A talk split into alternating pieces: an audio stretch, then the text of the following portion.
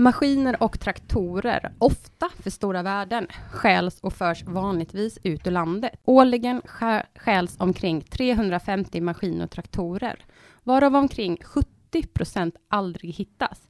Ni lyssnar på Larmtjänstpodden och idag ska vi prata om maskin och traktorstölder.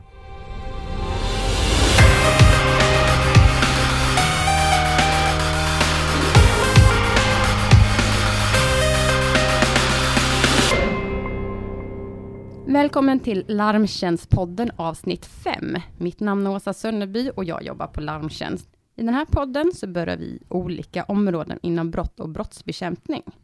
I podden, eh, podden finns att ladda hem på iTunes och på Soundcloud. Och tycker man att man saknar någonting så kan man mejla till larmtjänstpodden larmtjänst.se. Men nu tycker jag vi kör igång med dagens avsnitt och idag har jag två gäster i studion. Anders Wallstenius från Länsförsäkringar och Fredrik Westerling från Folksam. Hej! Hej hej! Hej! Välkomna till eh, Larmtjänststudion. Tack så mycket. Tackar. Idag ska vi prata om maskin och traktorstölder, men vi kanske kan börja med att ni får presentera er lite. Ja, jag heter Anders Wallstenius och eh, jag företräder Länsförsäkringar och eh, jag jobbar med skadeförebyggande frågor, samordning kring detta och tekniska frågor när det gäller för företagsmotor. Och eh, jag heter Fredrik Westerlind, jag jobbar på Folksam. Jag är specialist på tunga fordon, jobbar skadeförebyggande teknik. Eh, ni sitter båda med i något som kallas YTG, som är yrkestrafikgruppen. Vad, vad är det för grupp? Det är en sammanslutning av de eh, stora bolagen i Sverige och eh, medlemsbolag därunder och eh, vi jobbar skadeförebyggande tillsammans. Jag nämnde här precis i början att Eh, det stjäls omkring 350 traktorer, maskiner årligen. Tittar vi mer specifikt på till exempel 2015 så var det 329 entreprenadmaskiner och traktorer som stals eller efterlystes här i Sverige eh, av dessa så var 164 traktorer och 165 maskiner, så det var ungefär hälften hälften. Men detta är bara en detta är kanske inte alla eh, traktorer och maskiner som försvinner. Eh, det finns ett mörkertal.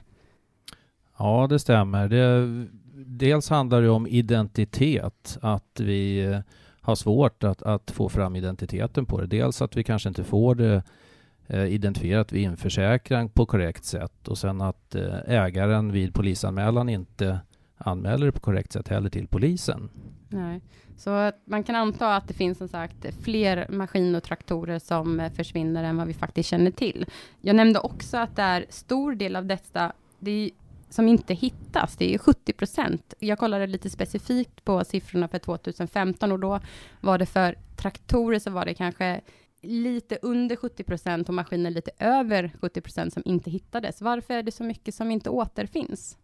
Vi ser ju att eh, mycket av de här maskinerna går utomlands och eh, de beslag på maskiner som, som vi får tillbaks till branschen, de tar man utomlands. Eh, åt östra hållet kan vi väl säga. Eh, så vi antar helt enkelt att, att eh, vi har ett stort mörkertal på maskiner som, som går iväg åt det hållet som vi aldrig får tillbaks tyvärr hur, jag vet att det är många som ställer frågan, hur är det ens möjligt att, det här är ju stora maskiner, det är ju stora traktorer, hur är det ens möjligt att de här bara försvinner? Det är ju eh, ligor, organiserade ligor som, som eh, sköter det här, så att de är uppdelade i olika kluster. Några som kontrollerar var finns det objekt att stjäla. Sen kommer då några och stjäl och man lastar upp det här då på ett trailerekipage och på en trailer kan du få två till tre traktorer. Mm. Och pressändning över det, eller kapell då så att säga. Så då märks det ju inte, syns inte vad som finns under. Så kör man ut det. Ofta kanske det går ganska fort också från stöldtillfället till utförseln så sagt. Det går nog väldigt fort. Det finns ju två alternativ. Antingen så kör de ju direkt alternativt att de ställer de stulna objekten och låter dem svalna för att se om de kanske är utrustade med spårsändare. Det jag tycker man har sett det är ju, det är ju dels att eh, just på traktorsidan om man har stulit från generalagent eller från traktorfirma så, så har man oftast kommit tillbaks efter helgen till, till sitt företag och sett att ett stort hål i staketet och maskinen är borta. Eh, de maskinerna går nog ut tämligen omgående. Mm. Eh, sen har vi även maskiner som har försvunnit från gårdar. Och där är det som så att man kanske ställer bort maskinerna någonstans, låter dem svalna en stund innan man plockar plockar ut dem ur landet. Då. Mm. Och man kan ju tänka det kanske också, tänker jag, med um, de här traktorer eller maskiner, om det är arbetsmaskiner, så står ju de eh, utställda kanske på, om vi säger, de kan stå ute på lantbruk etc. Och det är kanske inte så många runt omkring heller som ser dem. De, det är inte så många som kanske ser de här stölderna heller, eftersom det står så pass, vad ska man säga, de, stå, de står ju relativt oskyddat Ja. och även om de kanske står på ett öppet fält eller i anslutning till ett öppet fält så är det ju som du är inne på att det inte är mycket folk som rör sig runt omkring utan de får eh, jobba ostört helt enkelt. Mm. Ja. Men hur ser det ut om vi ska se, sker de här stölderna i eh, hela landet eller hur är det fördelat rent geografiskt? Eh, som vi ser det så eh, uppe mot Norrland så har vi inga större bekymmer. Det är klart att det stjäls maskiner men stora problemområdena det är ju södra och mellersta Sverige. Mm. Det är storstadsområdena då som vi pratar om eller? Ja, det är ju, om vi ser på traktorsidan så är det ju där man använder sig utav lantbruksmaskiner och då blir det ju naturligt att det är där de stjäls.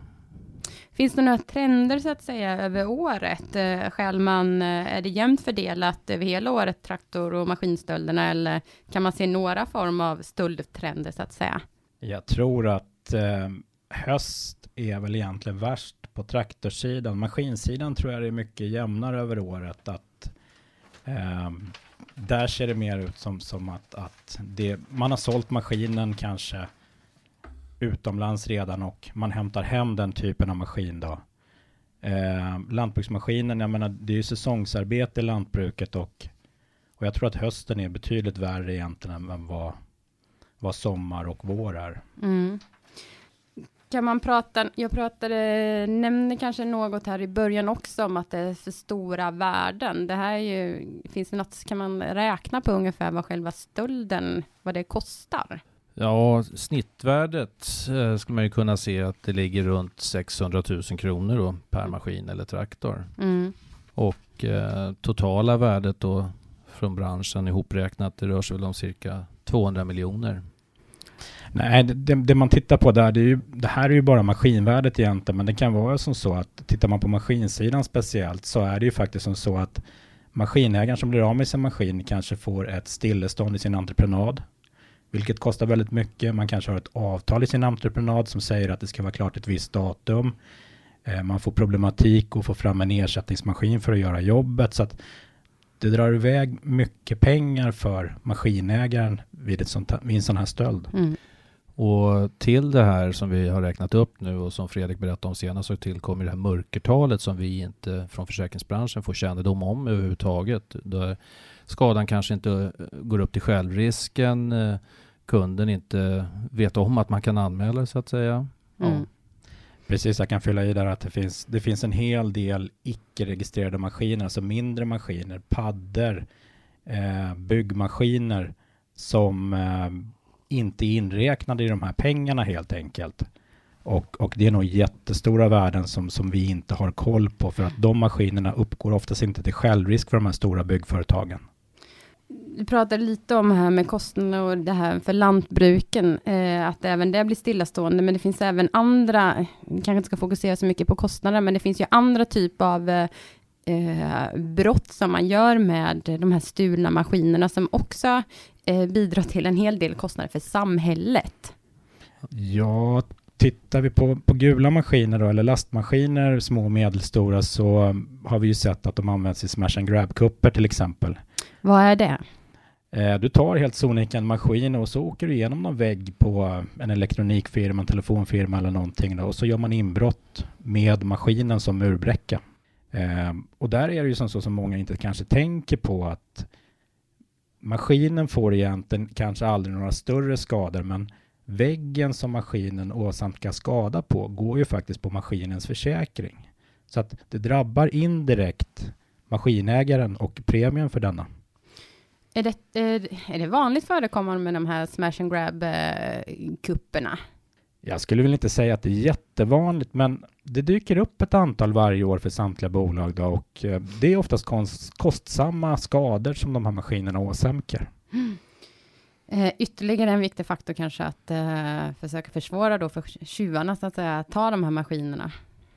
Eh, vad, vad, är det man, finns, kan man säga någonting om vad, om man tar, är det några specifika fabrikat som är mer utsatta eller någon typ av eh, maskin eller finns det något man kan säga där?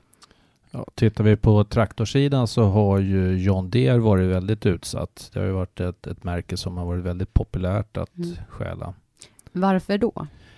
Ja, det går ju att spekulera i, men vad vi, vad vi förstår och hör så att säga, det är ju att det finns en eftermarknad som är etablerad utanför Sveriges gräns och eh, då innebär ju det att stjäl man en sån maskin, tar den till de länderna så kan man alltså köpa reservdelar och serva maskinen då. Det är intressant att du nämner det här, äh, Anders, om just John Deere-stölderna, för det, det var ju faktiskt en, en stor stöldvåg av detta, om vi tittar på i slutet av år 2015. Eh, äh, det, äh, det, här kan man ju faktiskt ägna ett helt avsnitt om, men kan du dra lite kort om vad det var som hände då?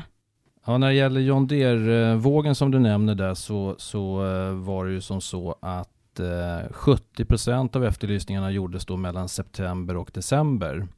Och eh, man riktade in sig på nyare årsmodeller eller större äldre traktorer då med högt värde. Eh, och värdena var från eh, en halv miljon och uppåt då per objekt. Mm. Eh, och, och, särskilt utsatt då var Västra Götaland det. i det här fallet. Då. Men de stölderna har gått ner lite eh, nu under 2016. Ja, och det kan man ju förklara med att det har skett ett antal gripanden. Det. Och det visar ju då på det här som jag nämnde tidigare att de, de, tjuvarna ingår i kluster så att säga och tar man ett sånt här kluster utav tjuvar då så att säga och då upphör det under viss tid. Sen ja. kommer det väl tillbaka så att säga när man har organiserat om det. Mm.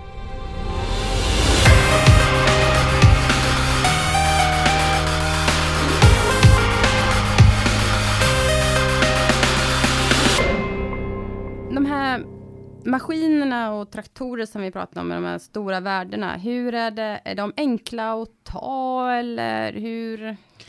Tyvärr är det ju som så idag att, att många av de här fabrikaten saknar startspärr och larm. Mm. Eh, vilket innebär att ja, vissa av de här fabrikaten går väl att köra nästan all, samtliga, samtliga modeller hos ett märke med en nyckel egentligen då. Och det är ju inte riktigt bra då, utan, utan det, det gör ju liksom att vem som helst kan egentligen tjuvkoppla en sån här maskin och åka iväg med den. Mm. Varför är det så?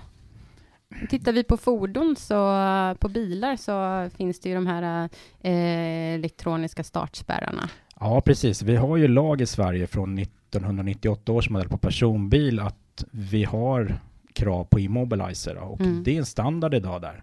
Eh, vi har även en, en, inte standard, men vi har även på lastbil. Just det. Där eh, bland annat Volvo har Immobilizer som standard.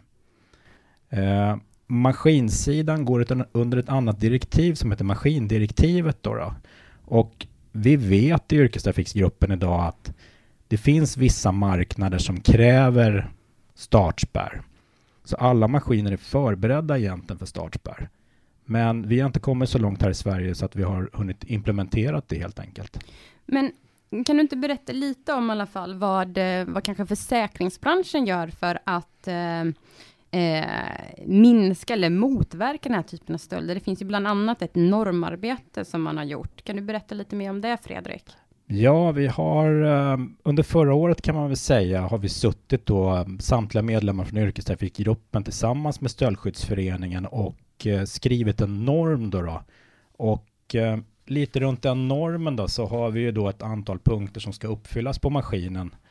Och det är ju bland annat maskinen ska ha märkt, märk-DNA, mikropunkter, gravering och etsning.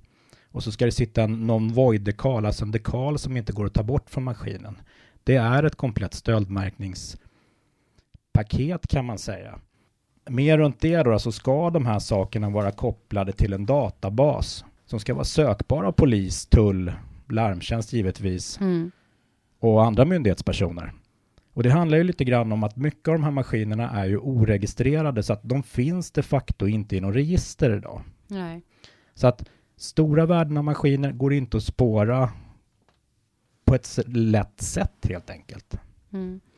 Eh, kan man säga något, just märkningen har vi kommit tillbaka och har koll på identiteten. Eh, det är ju av stor vikt. Varför är det så viktigt?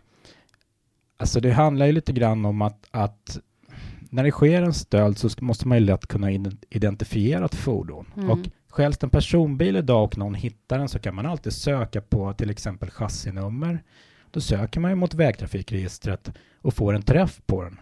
Och där ser man idag även att om fordonet är eh, efterlyst. Mm. Eh, söker man på en lastmaskin på, på, på chassinummer så finns ju den de facto inte i något register. Den är inte spårbar. Men eh, kan man säga något mer som branschen gör för att motverka stölderna?